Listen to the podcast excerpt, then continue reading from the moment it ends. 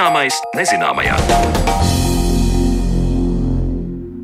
Esiet sveicināti redzējumā, zināmais nezināmajā. Ar jums kopā esmu es, Sandra Kropa, un eh, turpmākajās minūtēs mēs pievērsīsimies dzīvajai dabai mums apkārt. Cilvēku attiecības ar dzīvniekiem līdzās ir vainagojušās gan ar savvaļas dzīvnieku pieradināšanu tūkstošiem gadu garumā, gan ar šo dzīvnieku izmantošanu savā labā, gan, protams, arī ar intensīviem cīniņiem. Dzīvnieks var būt apdraudējums un sāncensis, un tas jau izsenis mudinājis cilvēks regulēt šo dzīvnieku skaitu. Raidījuma otro daļu šodien esam veltījuši sarunai par to, kā kāpēc dabai un līdz ar to arī mums ir vajadzīgi plēsēji, kāda ir šo dzīvnieku loma un kas notiek, kad tie pazūd. Bet pirms pievēršamies savvaļas dzīvei, iepazīsim ikdienu dzīvniekiem, kas vairums dzimuši nebrīvē. Tas, ko lauva, žirafa vai eksotisks kukainis apēd savvaļā, ir atkarīgs no barības pieejamības un prasmēm to sagādāt. Nebrīvē dzīvojošiem savvaļas dzīvniekiem barība sev nav jāgādā, taču aprūpētājiem ir jānodrošina savvaļai līdzīgs uzturs. Kā tas notiek zooloģiskajā dārzā, ko zvēri ēd tūkstošiem kilometru attālumā no savas dabiskās dzīvesvietas, vairāk interesējās Zana Lāca Baltalksne. Nedēļas laikā tiek apēstas 15 līdz 20 tonnas dažādas barības - gaļa, sienas, piens, augļi, dārzeņi un granulas. Tāda izskatās Rīgas zooloģiskā dārza dzīvnieku ēdienkarte, un, lai dzīvnieku nodarbinātu un padarītu tam interesantāku laiku, nereti vien barība tiek ieslēpta kādā dobumā vai kastē. Tā stāsta Rīgas zooloģiskā dārza informācijas daļas pārstāvis Māris Lielkalns dažādi vidas bagātināšanas elementi, kas ir gan saistīti ar barību, gan varbūt mazāk saistīti, gan tiem pašiem lielajiem plēsējiem. Lauva tīģeris ļoti labprāt priecājās par svešām smakām maisā, piemēram, kuru iedod mūsu darbinieki. Tāpat arī dažādi citi, piemēram, ja kaut kur redzat kādas bumbas ar caurumiem, tad tur bieži vien ir saslēptas granulas, kuras to bumbu dzenājot, tad viņš eh, pa lēnām, pa lēnām dabū. Piemēram, nu, pat jaunatklātajā jenota ekspozīcijā arī ir tāda plasmasas pudele, kur eh, jenotiņš bāž iekšā pudelē ķepu iekšā, nu, un tad tur no turienes ķeksē laukā granulas. Draugs nostrādājies kārtīgi, bet viņš ir izvingrinājies to starp un arī uh, nopelnījis sev pusdienas.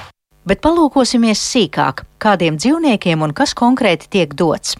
Vai zinājāt, ka banāni nebūtu nav ierastākā pērtiķu barība, un svētdiena lielajiem plēsējiem ir atslodzes diena? Par Rīgas zooloģiskā dārza dzīvnieku barību runājam Bridēju putnu flamingu mājā, kuri ieraksta laikā galvu iegremdējuši baseinā, šūpo savu kaklu kā izskapti uz lauka un tādējādi ar knābi filtrē barību. Fonā ir ūdens, un mēs atrodamies, skatāmies tieši konkrēti šobrīd uz flamingiem, kuri kaut ko makšķerē Jā. ūdens baseinā. Tad uzreiz, protams, jautājums, no kā pārtiek flamingi Rīgas zooloģiskajā dārzā?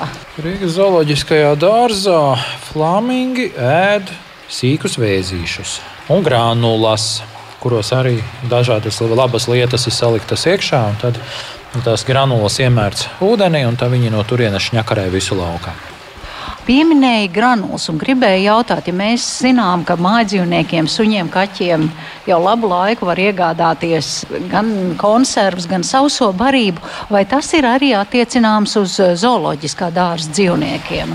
Tieši tā, protams. Daudz dažādiem eksotiskiem dzīvniekiem bieži vien nevar piegādāt visas tās barības vielas pietiekamā daudzumā un sabalansētībā, kā viņiem tas būtu vajadzīgs. Un tieši tāpēc zoodārzos ļoti daudz izmanto šīs specializētās barības, granulas. Tur ir ļoti smalki sadalīts dažādiem. Tur ir uh, gan zālēdājiem, gan lapuēdājiem, zālēdājiem, gan ir pērtiķiem, gan ir nilzirgiem, gan ir kamieļiem un tā tālāk. Un tā tālāk. Vispār zoodārzā mēs izmantojam apmēram 55 veidu granulas, dažādas, katram pēc vajadzībām un katram pēc gaumes. Vai šīs granulas tiek kaut kur ražotas un jūs pērkat gatavas, vai tās gatavo šeit uz vietas? Nē, nē, šeit uz vietas mēs viņus negatavojam, bet tās piegādā rietumu kompānijas, un tad no turienes tiek pasūtītas maisos, un tad arī viņi brauc lielā, lielā mašīnā uz šejieni, un tad notiek pēc tam jau sīkāka sadalīšana pēc daudzumiem, pēc stingrām porcijām katram konkrētajam dzīvniekam. Bet tas nenozīmē, ka zoodārza dzīvnieki pārtiek tikai un vienīgi no granulām. Protams, ir ļoti daudz dabiskās barības, tās, kas ir svaigā veidā, augļu dārzeņi, zāles, sienas atbilstošas sezonai, zaru slotiņas, banāni, citādi eksotiski augļi, dažām labām, kuram saistās dzīve ar banāniem. Nu, vismaz tiek uzskatīts, ka tie banānus īstenībā nemaz nedabū. Tas attiecās tieši uz geladām, tie ir tie lielie pērtiķi, kas savannā dzīvo. Un viņi izrādās nemaz tos banānus nedabū. Kāpēc? Tāpēc, ka dabā, tur, kur viņi dzīvo, banāni neaug. Un arī šim pērtiķim vienkārši fiziski nav iespējams tikt pie tiem banāniem. Tāpēc arī zoodārzā netiek banāni. Ko tad ēd tādi gelādas? Gelādas ēd zāli vasarā, sienu ziemā. Tad ir, protams, granulas, kas ir lapēdājiem, primātiem paredzētas. Tad ir arī dažādi dārzeņi, kābacis. Gan nav dārzenis, bet auglis. Kabacis vai ķirbis, tad ir burkāni, tad ir selerijas sakne, biete. Un viss, viss, viss, viss, viss lielākais gardums viņiem ir puravi. Un, Bet vai savānā viņi brīvā dabā dzīvojot savā mītnes zemē, tāda purauga tur aug, vai tas ir vienkārši jūs novērojuši, ka viņi ēd un nav, un, un vai tāds puraus ir veselīgs, zinot to specifisko tādu aromātu? Tas viss ir normāli, jo viņš dabā galvenokārt pārtiek no zāles. Nu, un atbilstoši sezonai, tad eh, vai nu ēd zaļumus, tad vai nu ēd eh, nogatavojušās sēklas, tieši to zālaugu, vai arī, ja iestājās sliktais laika periods, tad, protams, pārtiek no tām zālaugu saknītēm. Tā kā zāli un dažādas nu, to, ko viņš tur var dabūt, to viņš izmanto pilnībā. Tā kā daudz dažādas versijas. Attiecībā par banāniem ir arī tā, ka Ne jau tikai vienkārši banānus mēs dodam tādus, kas ir dzelteni. Mēs dodam arī zaļus banānus, negatīvus banānus. Tātad tiem, kas nokāpj zemē, var staigāt pa zemi, un tie, kas staigā pa zemi, pētiķi, tie dabū dzeltenus banānus, gatavus. Bet tie, kas savukārt visu mūžu pavada lapotnē, nu, kur viņš to gatavo banānu dabūs, kas ir nokritis zemē, nu, tāpēc viņš dabū tomēr tādus negatīvus banānus. Kuras sugas tās ir? Nu, tie ir mazie pētiķīši, kas dzīvo lapotnē. Kalitriksi, Ja runājam par kalitriksiem, tad viņiem ir vēl viens ļoti liels gardums, kas arī tiek pasūtīts no ārzemēm. Tas ir žāvēta koku sula. Dabā viņi pārtiek no koku sulas. Kādā veidā viņi pie tās tiek? Kalitriks ir dabā kāpelē pa koku stumbriem vai zariem, un tad uh, mizā ar nadziņu izkasa bedrīti mazu. Viena zem otras, un tad pa tām bedrītēm sāk sūkties ārā koku sula. Nu, un šie pētiķēni to laiza un jūtās ļoti apmierināti. Nu, kur mēs šeit dabūsim? Nu, tādu sulu tieši tāpēc izlīdzās ar to sulu, kas tiek atsūtīta no ārzemēm, bet tā tad jau izžāvētā veidā. Nu, un, uh, mēs tādā gadījumā ņemam šo sulu, izšķīdinām koncentrātu ūdenī, un tad uh, kā žēlēju iepildām tādā speciālā silītēs, kuru uh, mūsu pērtiķēnē ar lielu sajūsmu grauž. Mm, jūtās ne tikai apmierināti, bet arī uzlabojusies daudz zobu veselība. Tā kā vienlaikus labi, otrām kārtām arī dzen ļoti veselīgi. Savukārt tie zīdītāji, abinieki un putni, kas pārtiek no kukaiņiem, ēd vietējo barību. Tas ir pašā zooloģiskajā dārzā šo dzīvnieku vajadzībām tiek audzēti kukaiņi. Kā teica Māris Lielkalns, tad gada laikā tiek izaudzēti ap 100 kg kāpuru un kukaiņu, un attiecībā pēc dzīvnieku lieluma tie tiek kalibrēti pēc izmēriem. Savukārt lielie plēsēji, lauvas un tīģeri tiek baroti ar lielopa, vistas un truša gaļu. Viņiem dzīva barība netiek dota, viņiem tiek jau sagatavota barība. Tomēr ir eh, virkne citādi, kas nav vilki, lūši, tīģeri un lauvas, kuriem šī dzīvā barība tomēr ir jādod. Nu, tie, protams, ir arī eh, neskaitāmie kukaiņu ēdāji, kuriem ir uh, daudz dažādi šie kukainīši jāpēd, un pie tām vēl tie tiek kalibrēti. Vieniem tiek lieli circeņi, otriem tiek vidēji circeņi, trešajiem tiek mazi circeņi, atkarībā no tā, cik liels ir ēdājs. Nu, tāpat arī dzana, visi šie pelītes, žurciņas arī tās tiek atbilstoši daudziem šādā veidā sadalītas. Bet nu, čūskām ir jādod dzīvā veidā. Tas notiek tad, kad apmeklētāju pie mums nav. Tad līdz tam laikam, kamēr apmeklētāji ierodas, viņi jau ir paēduši. Bet attiecībā par lielajiem plēsējiem, kam ir jau sagatavota barība, tad mēs arī piemērojamies barošanas ritmam, kāds ir sastopams dabā. Lauva, liels plēsējs, tīģeris arī tāds pats, bet izrādās, ka viņam tieši tīģerim tikai 10% medību ir labas, veiksmīgas. Tas nozīmē, ka pārējie 90% ir bijuši kaut kādā veidā sagājis greizi un tas medījums ir aizbēdzis. Tā rezultātā dzīvnieks var apēst ļoti daudz barības vienā reizē. Tātad tie ir 30, 40 kg vienā reizē. Nu, tad burtiski vēders pa zemi velkās, un tad dzīvnieks iet atpūsties. Un tad atgriežas pie barības vēlreiz, un ēd, un atpūšas, un ēd, un atpūšas, kamēr viss ir notiesāts. Bet tajos eh, brīžos, kad viņam nav šī barība dabūjama, kad ir eh, neveiksmīgas medības, tad viņam ir jāgavē, jāpaliek ar tukšu vēderu. Tāpēc arī zaudārzos pāro šos lielos plēsējus ar atslodzes dienām. Parasti svētdienās mūsu zoodārzā plēsīgie zvēri un arī putni tie paliek nēduši. Pārējās dienās nu, viņi saņem šo gaļu atbilstoši vajadzībām. Nu, tā kā dzīvniekiem ir vajadzīgs arī kažoka sastāvdaļas apēst un arī varētu būt eh, iekšēji orgāni, tad, eh, protams, ka eh, reizi nedēļā viņi saņem arī patrusimi. Bet es saprotu, ka netiek jau, ja mēs skatāmies, nu, piemērots eh, klimatiskajām joslām, ja tā ir launa, ja viņš varbūt tur savanā, viņš ķer tur zebru vai antilopu. Tas nenozīmē, ka šeit tiek dots zebras vai antilopas gaļa. Tas pats, kas ir nopērkams eh, lielopa gaļa, tā jā, ir govs jā. vai tā ir eh, mājas cūka, ko mēs cil... Nē, nav mājas cūkas. Uh, mēs barojam lielopa gaļu, mēs ar cūkas gaļu neaizraujamies. Tīģerim pusdienās ir vainu lielopa gaļa ar kaulu trīs reizes nedēļā, tad divas reizes nedēļā ir vistas gaļa, un tad vienu reizi nedēļā viņam ir trusis. Ja tā ir gaļas porcija, tad tie ir 9 kg tīģertēvam, augustam. Savukārt, tātad trusis ir krietni mazāks, tas ir ap nepilniem 3 kg. Līdz ar to viņam sanāk arī tā kā pusbada diena. Bet arī tas ir normāli, un tas pieder pie viņa dzīves ritma un dzīves stila. Māris Lielkalns vēlreiz atgādina, ka dzīvnieki zoodārzā tiek uzraudzīti, lai tie saņemtu atbilstošu pārtiku, un tāpēc apmeklētājiem nevajag censties mest pār žogu ēdienu, lai pabarotu viņu prāti izsalkušu zvēriņu vai pievilinātu to sev tuvāk. Atcerēsimies, ka 2018. gadā, pēc tam, kad daži labdari bija sabarojuši ziemeļbriežu mazuli ar čipsiem, tas lielās mokās nomira un vēl pirms tam bojā aizgāja lauku sēdes kazlēni, kurus apmeklētāji bija pacienājuši ar baltmaizi. Gribētos patiešām vēlreiz atgādināt, ka zoodārza dzīvniekus labāk lai baro zoodārza darbinieki, speciālisti, nevis apmeklētāji, jo dažādi šie liekie kumosi vienkārši jauc šo balansu, un pēc tam, kad tas balanss ir izjaukts, tad pēc tam ir visai sarežģīti šo balansu dabūt atpakaļ un dzīvnieku dabūt uh, atpakaļ pie labas veselības. Tāpēc uh, ļoti, ļoti aicinām nebarot apmeklētājiem dzīvniekus, lai tas paliek zoodārza darbinieku ziņā.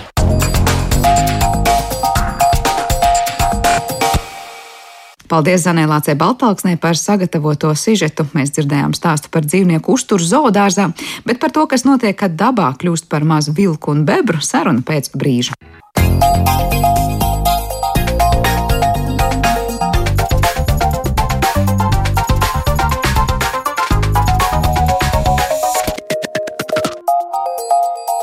Zināmais nezināmajā. Savvaļas dzīvnieku un cilvēku attiecības vienmēr ir bijušas līdzatkarīgas un reti arī konfliktējošas, īpaši, kad runa ir par plēsīgiem dzīvniekiem. Cilvēks un plēsējs kāro vienu un to pašu medījumu, bet plēsēji nerespektē cilvēku novilktās robežas, piemēram, ganības. Taču kāpēc dabā nepieciešama plēsēji un kas mainās, kad no kādas ekosistēmas tos izslēdz, un kāda loma dabā ir tādam cilvēkam dažkārt traucējošam dzīvniekam kā bebram? Par to mēs šodien uz sarunu esam aicinājuši zoologu un Latvijas valsts meža zinātnes institūtu institūta Silo vadošo pētnieku Jānu Ozoliņu. Labdien! Labdien!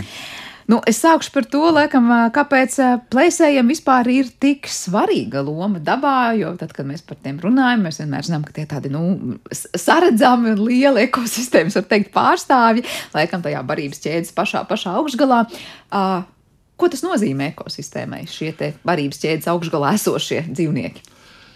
Ja drīkst, varbūt tad uh, sāksim ar to, ka uh, nedaudz abstrahēsimies no tā, ka mēs arī dzīvojam dabā un uz šīs zemes, un paskatīsimies to ekosistēmu bez cilvēku ietekmes. Un tad, ja tā sākotnēji pavisam uh, pašos pamatos mēs raugamies un atkārtojam savas skolas zināšanas, tad ekosistēma sastāv no producentiem un konsumentiem. Un producenti mums ir galvenokārt tie brīnišķīgie zaļie augi, kas ražotāji, ja? ražotāji jā, kas sabrīnojumā veidā evolūcijas gaitā, vai nu kā par to sākumu mēs nerunāsim, bet eh, spēj no neorganiskām vielām ražot organiskas vielas, uh, un uh, no tām vielām, kas mums ir pārbagātība uz Zemes, uh, CO2, kas šobrīd ir arī klimata problēma, un ūdens. Un šīs organiskās vielas tiek ražotas tādā sugu kompleksā ekosistēmā, kas arī tā fitocenoze, sugu tur ir daudz, bet viņas ražo, viņas atmirst, jo neviena šūna nav mūžīga, un neviens indivīds nav mūžīgs. Viņas iet bojā, uzkrājas, bet bez konsumentiem, bez tiem, kam eh, interesē šīs dzīvās, nu, dažkārt arī nedzīvās ja? patērētājiem. Eh, tā ekosistēma, protams, nav, nav pilnīga. Un uh, droši vien, ka viņa tāda arī nekad nav bijusi, jo tie producenti un konsumenti evolūcijā ir uh, līdzvērtīgi laikā un telpā attīstījušies. Tad var teikt, tādas ražošanas un patērēšanas attiecības normālos apstākļos pastāv arī dabā. Tieši tā. Un tie konsumenti pie tam ir nu, tādos vairākos slāņos. Nu, tā klasiski mēs runājam par pirmās un otrās pakāpes konsumentiem vismaz. Un tie pirmās pakāpes konsumenti ir augēdāji. Viņi ir tieši ētos producentus un uh, iesaistās tādā veidā vielu enerģijas apritē. Un uh, tad vēl nu, tāds, tāds acīm redzot likums, ka, uh, lai tā ekosistēma pastāvētu, tad uh, tiem konsumentiem ir drusku jāatpaliek savā darbībā no producentiem. Protams, ražotājiem jābūt vairāk. Uh, ražotājiem jābūt vairāk, jo sāk vienā brīdī vienkārši tiem konsumentiem nāksies uh, pašiem iznīkt. Bet nu, tur arī ir visādi varianti, jo, jo tad rodas otrās pakāpes konsumenti, kuri jau ēd cits citu. Ja? Tie, tie mm, otrās pakāpes konsumenti ēd tos pirmās, un, un daļai arī savā starpā viens otru ēd. Uh, Un tur tad ir tā būtība, ka ekosistēmas stabilitāte un tā funkcionālā savstarpējā saistība un struktūra Eh, tiek nodrošināta pastāvot visiem šiem trim, eh, vismaz minimums trim līmeņiem - producentiem, pirmās, otrās pakāpes konsumentiem. Tad eh, producentiem, ražotājiem, tiem, kas ēd ražotājus un tiem, kas ēd jau pirmos patērētājus, tā varētu teikt. Un, un tie tad ir tie plēsēji, kas acīm redzot ir mūsu šodienas sarunas tēma. Bet cik, nu es nezinu, vai pro, proporcionāli mēs varam runāt, būtu jābūt šīm attiecībām, nu, lai tās mēs varētu teikt, tā ir sabalansēta dzīve ekosistēmā. Jūs jau mazliet minējāt, tā tad ražotājiem ir jābūt nedaudz nedaudz vairāk, eh, bet kas notiek tālāk? Uh, faktiski tās skaitliskās vai biomasas attiecības, viņas var ļoti salīdzinoši vienkārši sarēķināt, un viņas arī tiek aprēķinātas. Viņām var izsekot šobrīd ar ļoti modernām metodēm. Uh, Tās ir zinātnē zināmas, bet, protams, ka viņas nav konstantas, tādas nemainīgas. Notiek svārstības, brīžiem vairāk kļūst viena suga, brīžiem otra suga, bet jo mēs vairāk aizējām uz sugu kompleksu, jo, jo tās proporcijas ir stabilākas. Teiksim, procentuālā saistība, es tagad no galvas neatceros skaitļus, bet teiksim, starp Eh, tur otrās pakāpes un pirmās pakāpes eh, konsumentiem ir diezgan stabili, ja sugu ir daudz. Eh, tās, tie, tās attiecības var nobrukt tad, ja, ja sugu kļūst mazāk, un tāpēc mēs runājam par bioloģiskās daudzveidības un sugu daudzveidības nepieciešamību. Tad tikko vispār kopumā sugu skaits samazinās, tā daudzveidība samazinās, tad ir ļoti liels jautājums, kas notiek ar šo attiecību proporciju. Jā, tiem liels, lielajiem ēdājiem, proti, plēsējiem un tiem pirmajiem ēdājiem. Ir, ir, ir liels risks, nu, kā saka, izkļūt ārā no tās eh, nosacītās stabilitātes. Absolūta stabilitāte jau nav nekad. bet uh, no tās, ko mēs varam saukt ilgtermiņā, kad šī ekosistēma ir spējīga pastāvēt, nu, vismaz tik daudz, cik nepieciešams evolūcijai, un tie jau ir jau um, gadu tūkstoši, simt tūkstoši un miljoni. Bet, jebkurā gadījumā, nu, nerunājot par konkrētiem skaitļiem, tie plēsēji, kas ir tie paši augšgalā esošie ekosistēmā ēdāji, Viņi tomēr, liekas, vienmēr būs mazāk, nu, normālos apstākļos, nekā tie pirmie ēdāji, proti, kas tur pārējos ēdīs un zāli grauzīs un augļu pasauli tā, patērēs. Tā arī ir, jo arī sugu skaita ziņā viņi ir mazāk. Uh, ja, un tāpēc arī ļoti svarīgi šīs sugas saglabāt un neiznīcināt. Jo, ja es pareizi atceros, tad uh, zīdītāju klasē uh, ir kaut kādas eh, nepilnas 250 eh, plēsēju eh, kārtas sugas. Un, un, protams, te atkal prasās tā definīcija, jo, jo plēs, par plēsēju mēs saucam sistemātisku grupu, tas ir zīdītāju vienu kārtu.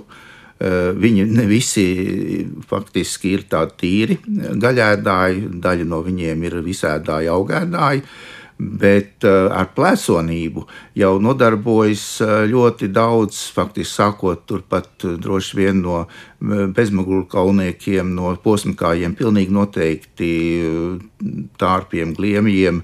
Nemaz nerunājot par mugurkauniekiem, zivīm, abiniekiem, rāpuļiem. Tur ir ļoti daudz, kas nodarbojas ar plēsonību.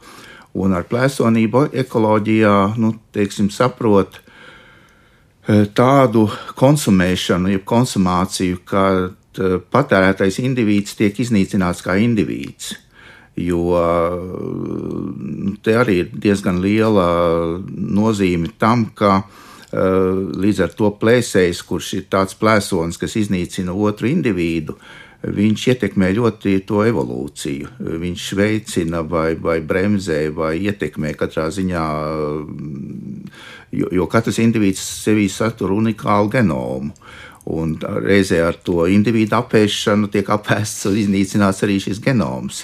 Bet jūs te minējāt arī augādājs un visēdājs ar to plēsonību saistībā, vai tad var būt plēsējs, kurš ir nu, tāds eh, veģetārietis? Nu, varbūt gaļēdājs, nu, teiksim, ne gaļēdājs, bet konsuments, kurš neiznīcina individu. Teiksim, zālēdāji, kas barojas ar zāli, viņi lielākoties to zāli neiznīcina. Bet mēs jau, vai to sauksim par plēsējiem? E, viņš var būt plēsējs tajā brīdī, kad viņš iznīcina kādu individu. Teiksim, ja mežcūka iz izrok.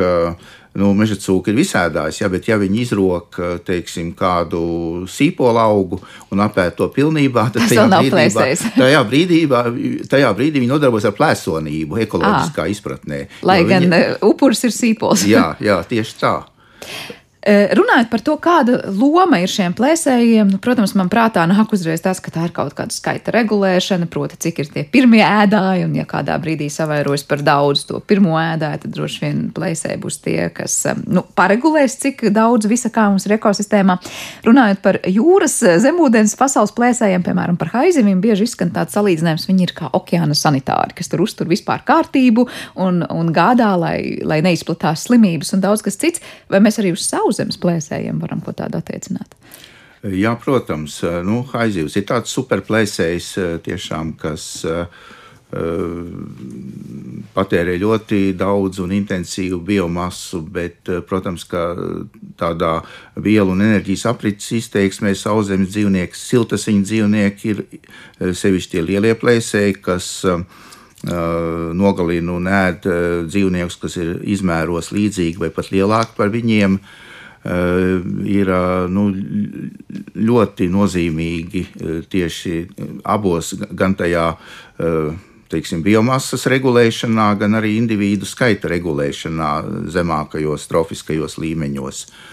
Un uh, uz sauszemes uh, jā, mēs runājam par lielajiem plēsējiem, mēs runājam par uh, sīkajiem, uh, vidējiem plēsējiem, uh, lielie plēsīgie putni, uh, zīdītāji. Nu, ja, mēs tā sašaurinām drusku uz Latvijas faunu, tad mums tādi nopietni lielie plēsēji ir vilki un lūši. Nu, Lācis, kā mēs zinām, ir visēdājs, bet atsevišķās situācijās arī viņš nodarbojas ar plēsonību. Tā kā un, un viņu ietekme ļoti svarīga arī tādējādi, ka viņi ne tikai tos pirmās pakāpes konsumentus, tos zālētājus patērē, bet visādā veidā gan nogalinot un apēdot, gan vienkārši teritoriāli izspiežot no savas tās individuālās darbības zonas vidējos un mazos plēsējus arī regulē to kopējo ekosistēmu un, un procesus tajā. Tā kā par tiem lieliem plēsiem mēs parasti, nu, tāpēc, ka viņi visvairāk konkurē ar cilvēku, bet uh, arī tādā tīri ekoloģiskā nozīmē viņiem pievēršam vienmēr lielāku uzmanību, un viņi arī sugu skaita ziņā ir nedaudz. Un, piemēram, tie paši lāči. Uh, Jāatcerās, ka vispār uz pasaules ir tikai deviņas sugas. Tā kā tur tā daudzveidība nekāda suga liela nav, bet viņa nozīme ir ļoti liela. Kā ir ar tiem dzīvniekiem, kas ēd jau nu, kādus mirušus dzīvniekus, proti, domāju, par kādiem maitēdājiem vai kā citādāk, viņi paši tā kā nemedī to dzīvnieku. Var teikt, to jau kāds cits kaut kur ir medījis, un tad nu, tie, kas barojas ar kaut kādiem pāri palikumiem vai nu, tiešām notīra to, kas ir palicis mm -hmm. tur citādi, tie arī būtu uzskatām par nozīmīgu šo te plēsuņu sadaļas, es nezinu, sastāvdaļa. Jā, daļa no šiem maitēdājiem ir vai nu visēdāji, vai, vai teiksim, sistemātiski ir plēsēji, nu kaut vai tie paši vilki lāči, arī diezgan daudz nu, suņu dzimtā lapsas, jenot suņi patērē nedzīvus, kritušus dzīvniekus. Jā, protams, viņi ir ļoti nozīmīgi, un savukārt tie lielie plēsēji, kuri vairāk eh, tomēr nogalina dzīvus upurus.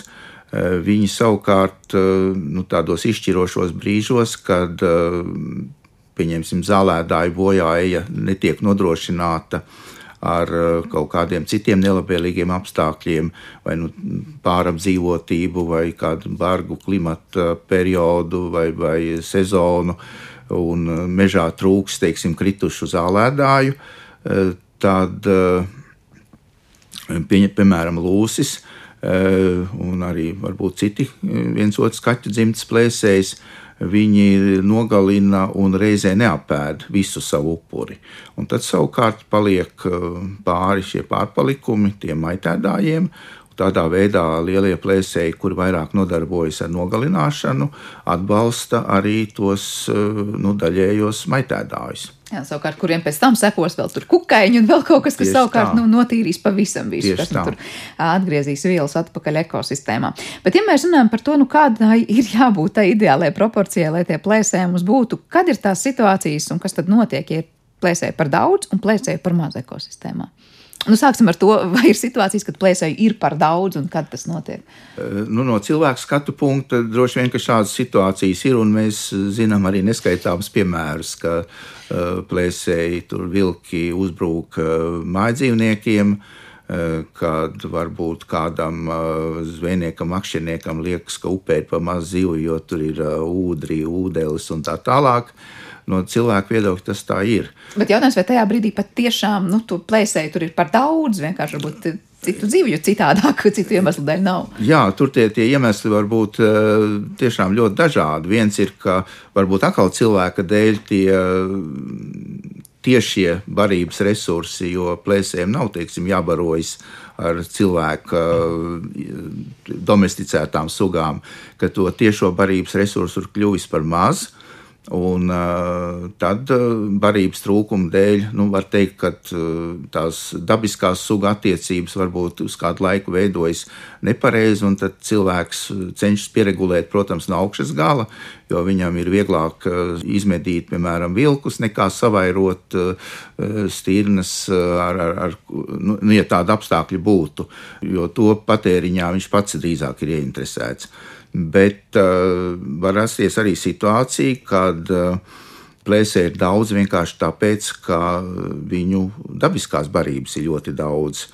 Un, uh, nu, šobrīd es gribētu teikt, ka šāda situācija tieši Latvijā ir. Mēs sakām, ka tiešām mums ir nu, daudz vilku, šur tur pa daudz priekš aitaudzētājiem, bet tas iemesls, kādēļ viņi ir daudz, ir, ir tāpēc, ka ir daudz šo zālētāju dzīvnieku. Un, nu, cilvēkam rodas varbūt iespējas, ka tā ekosistēmā nav kaut kas kārtībā, bet patiesībā ir gluži otrādi, ka tas process tā kā tie vilki mums ir un, un var arī ienākt nomedīto vietā no diezgan plašas teritorijas, tad tas faktiski ir ekosistēmas tāds pašregulācijas process, kas savairoties daudz stirnām, meža cūkām, briežiem, kļūst arī vairāk lielo plēsēju, vilku un lūšu. Tas ir tāpēc, ka meža cūkām, stirnām ir ļoti labvēlīgi apstākļi, vai tur atkal ir kaut kāds līdzsvars iz, izjaukts? Jā, ja mēs ejam, ejam vēl zemāk par to tropisko piramīdu, tad tieši tā stirnām, meža cūkām, citiem zālētājiem ir ļoti labvēlīgi apstākļi. Nu, atkal mūsu tajā kultūrā ainavā, pateicoties cilvēku saimnieciskai darbībai. Jo, ja mums būtu tas pirmotnējais mežs, tad ļoti Iespējams, ka tur barības dzīvniekiem būtu daudz mazāk nekā atjaunotā ar stādiem, atjaunotā mežā, plus vēl sējot lauksaimniecības kultūras, ziemājas un tā tālāk. Tā kā atkal nonākam pie tā, ka skaties, kā grib cilvēku darbību, iespējams, ir pie vainas tam, ka šī situācija ir tieši tāda, kāda tā ir. Bet kādi ir bijuši gadījumi, kad eh, plēsēju skaits samazinās tieši dabisku apstākļu dēļ? Nu, kādas, es pieņemu, kaut kādas dabas katastrofas varētu būt laikam tās, kas pašas samazina to.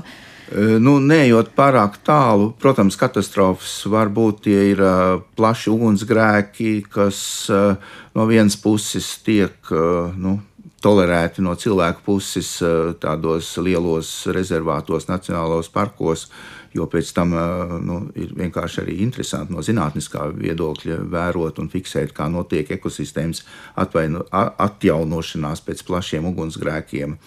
Eh, tie varētu būt jā, kaut kādas arī citas katastrofas, tur vulkāna izvirdumi vai kas. Bet eh, tās var būt arī tādas krasas eh, klimata pārmaiņas, kas nu, mēs esam arī skatījušies kaut vai televīzijas pārraides par tām pašām savānām, ka iestājoties tādam ilgstošam, varbūt nekā parasti tur sausuma periodam, Eh, kad izkalst eh, daļa aug un sāk eh, samazināties, un ūdens trūkuma dēļ iet bojā mm, jau tie pirmās pakāpes, jau producenti, pēc tam jau pirmās pakāpes konsumenti, un tad cieši arī tā, tā piramīdas augšdaļa. Bet nu, dabā parasti šie procesi diezgan ātri atjaunojas, ekosistēma nostabilizējas, Bet eh, te atkal eh, ir jautājums par eh, vienu tādu cilvēku ļoti. Tas pat vēl, vēl viena no vissliktākajām cilvēku ietekmēm, tas ir to vides, jeb ainavas fragmentāciju. Ja mēs esam uztaisījuši, jo, jo dabā starp ekosistēmām tādu krasu un nepārkāpjumu pārēju faktiski nav. Un, eh, ja tā katastrofa nedarbojas, nu, teiksim, neaptver visu zemeslodi, tad vienmēr būs iespēja tajā nopostītajā vietā sugām ienākt no tuvākās apkārtnes. Bet eh, cilvēks ir atcēlis nu, neskaitām daudz barjerus nu, savas infrastruktūras izveidošanas dēļ, un tad tas process var, var arī aizkavēties vai pat vispār nenotikt. Nu, ne tikai infrastruktūras, es pieņemu arī kaut vai pēkšņi blakus mežam mēs ieliekam lauksaimniecības zemi, tā jau arī ir fragmentēta ainava, jā, jā, kādam jā. dzīvniekam tas ir jā, nepārvarams šķērslis. Un ja tas mežs nodeg un, un, un tā lauksaimniecības ainava ļoti plaša, nu, tad tās uh, savvaļas sugas tur ļoti sarežģīti viņām atgriezties. Jūs minējāt, ka ekosistēma pēc tam pamazām pielāgojas un atjaunojas. Nu, piemēram, ja tie plēsēji ir gājuši bojā kaut kādā brīdī, samazinājušies ļoti, ļoti. Cik ilgā laikā vispār mēs tādos dabiskos apstākļos runājam par nu, plēsēju atgriešanos ekosistēmā, un kas notiek, ja tos mākslīgi introducē konkrētajās vietās?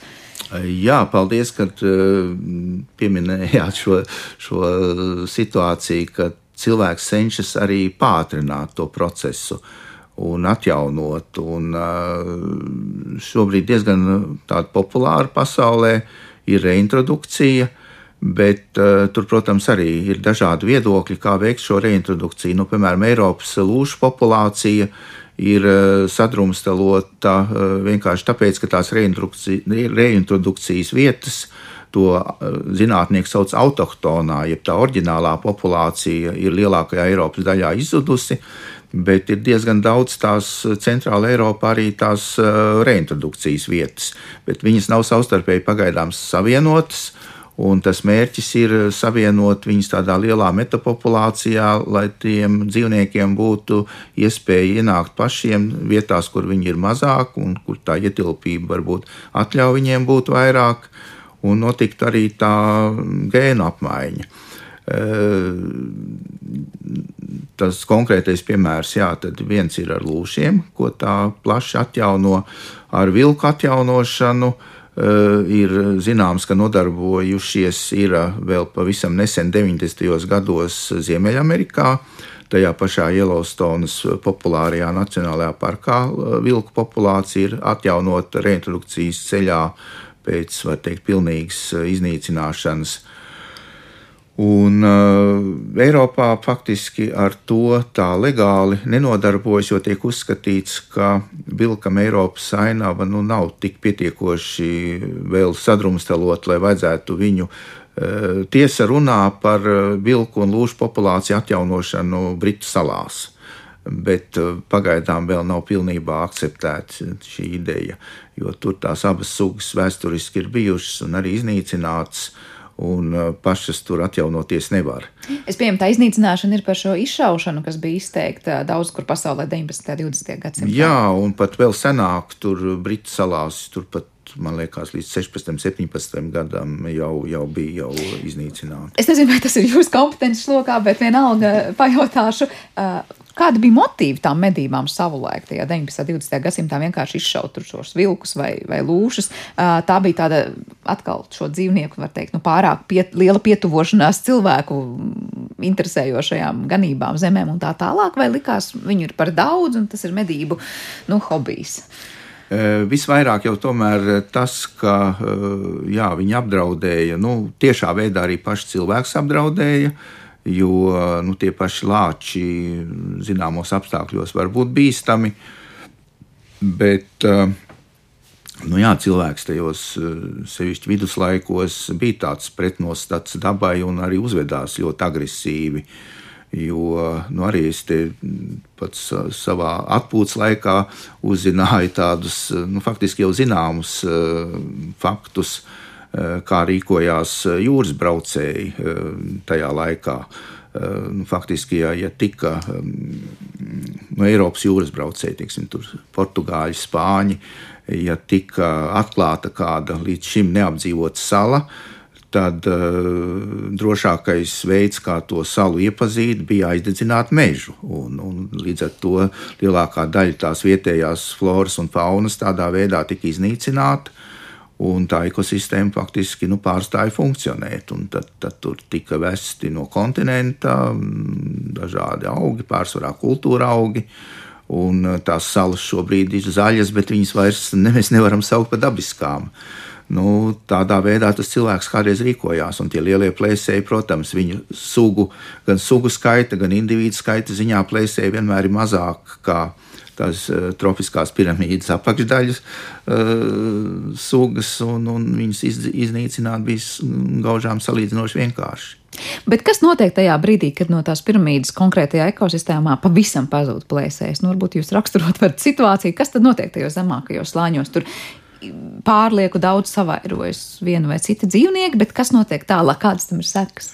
Nu, tādas ilgtermiņa sekas es ceru, ka mēs arī nepiedzīvosim, jo šobrīd tomēr sugu aizsardzības ideja, eh, pateicoties gan zinātniekiem, gan varbūt arī vienkārši aktīvistiem, ir eh, gana dzīva un eh, notiek sugu atjaunošanās arī Eiropā, visapdzīvotākajā pasaules daļā atgriežas lielie plēsēji. Bet, eh, nu, principā tās, eh, tāds, tāds modelis eh, ir tās pietiekoši nelielās un tomēr izolētās aizsargājumās teritorijas. Nu, atkal pieminēšu to pašu populāro Yellowstonas Nacionālo parku, uh, kurā tiešām eh, nu, jau labi sen, bet tajā 19. gadsimta beigās, tūlīt pēc parka izveidošanas, tika nu, iznīcināti, piemēram, vilki. Un, tas rezultējās tādā straujā briežu skaita pieaugumā. Un pēc tam cieta gan vegetācija, gāja bojā mežs, tad tur cieta citas sugas. Vilku galvenais barības objekts bija Ziemeļamerikas stāvbrieži, ko tulkojumā dažkārt nepareizi valodnieki pārtulkojuši par aļņiem. Tie nebija aļņi, kaut gan aļņi arī tur dzīvo. Un brieži, kā zināms, ir nu, tie meža vis tādi ietekmīgākie pārveidotāji. Un savairoties briežiem gāja bojā meža ekosistēmas. Tā kā, tāds piemērs, un uh, tur ir smalki dokumentēts pa gadiem, cik bija vilku, cik vilku baru, kāds bija vilku pieaugums un kas notika tālāk ar briežu populāciju. Tā kā tāda informācija mums ir, jebkurā gadījumā iejaucoties tajā tropiskās piramīdas augšdaļā, mēs radām sekas apakšdaļā. Jā, šis konkrētais piemērs parāda to, cik ļoti viens konkrēts dzīvnieks tikko ir par daudz, eh, nodara liels eh, un ievērojams pārmaiņas ekosistēmā tālāk, un viss sākās ar vilkiem, kā jau minējāt. Es sarunas noslēgumā pamazām vēl gribētu parunāt par Latvijā vienu ļoti aktuālu dzīvnieku, kas, protams, nu nenāk prātā kā lielākais un bīstamākais plēsējs, taču par to daudz cilvēku runā kā par, nu, tādu tā kā nērto dzīvnieku, un proti par jau redzījumu sākumā piesaukto bebru. Uh, Ko mēs zinām par to, kāpēc mums arī šis dzīvnieks ir vajadzīgs ekosistēmā un kas notiek tad, kad bebra mums ir par daudz vai par maz? Bebrs ir ļoti spilgts tāds atslēgas, kā viņu varētu saukt, suga, eh, kur ap sevi pulcē neskaitāmas citas sugas. Un, protams, tā, tā vide, kurā mm, tās sugas pulcējas, ir mitrājs. Sākotnēji tas ir vienkārši aizsprostota upīte vai grāvis, dīķis. Vēlāk tur notiek uh, koku atmiršana uh, krasta joslā. Uh, protams, tas viss piesaista konkrētas sugas atkal, kas vieniem patīk, citiem nepatīk. Uh, Un, uh, ar laiku tas nostabilizējas kā tāda bebraine, uh, par kuru arī ir daudz piemēru, kas notiek plašāk ekos, tieksim, ainavā un ekosistēmās, ja šo bebraiņu nav. Uh, daudz jau būs lasījuši arī par to Kanādu, tur tie trietā čilkotinas mežos, kur tie spilgtie piemēra Kanādas bebriem Ziemeļamerikā.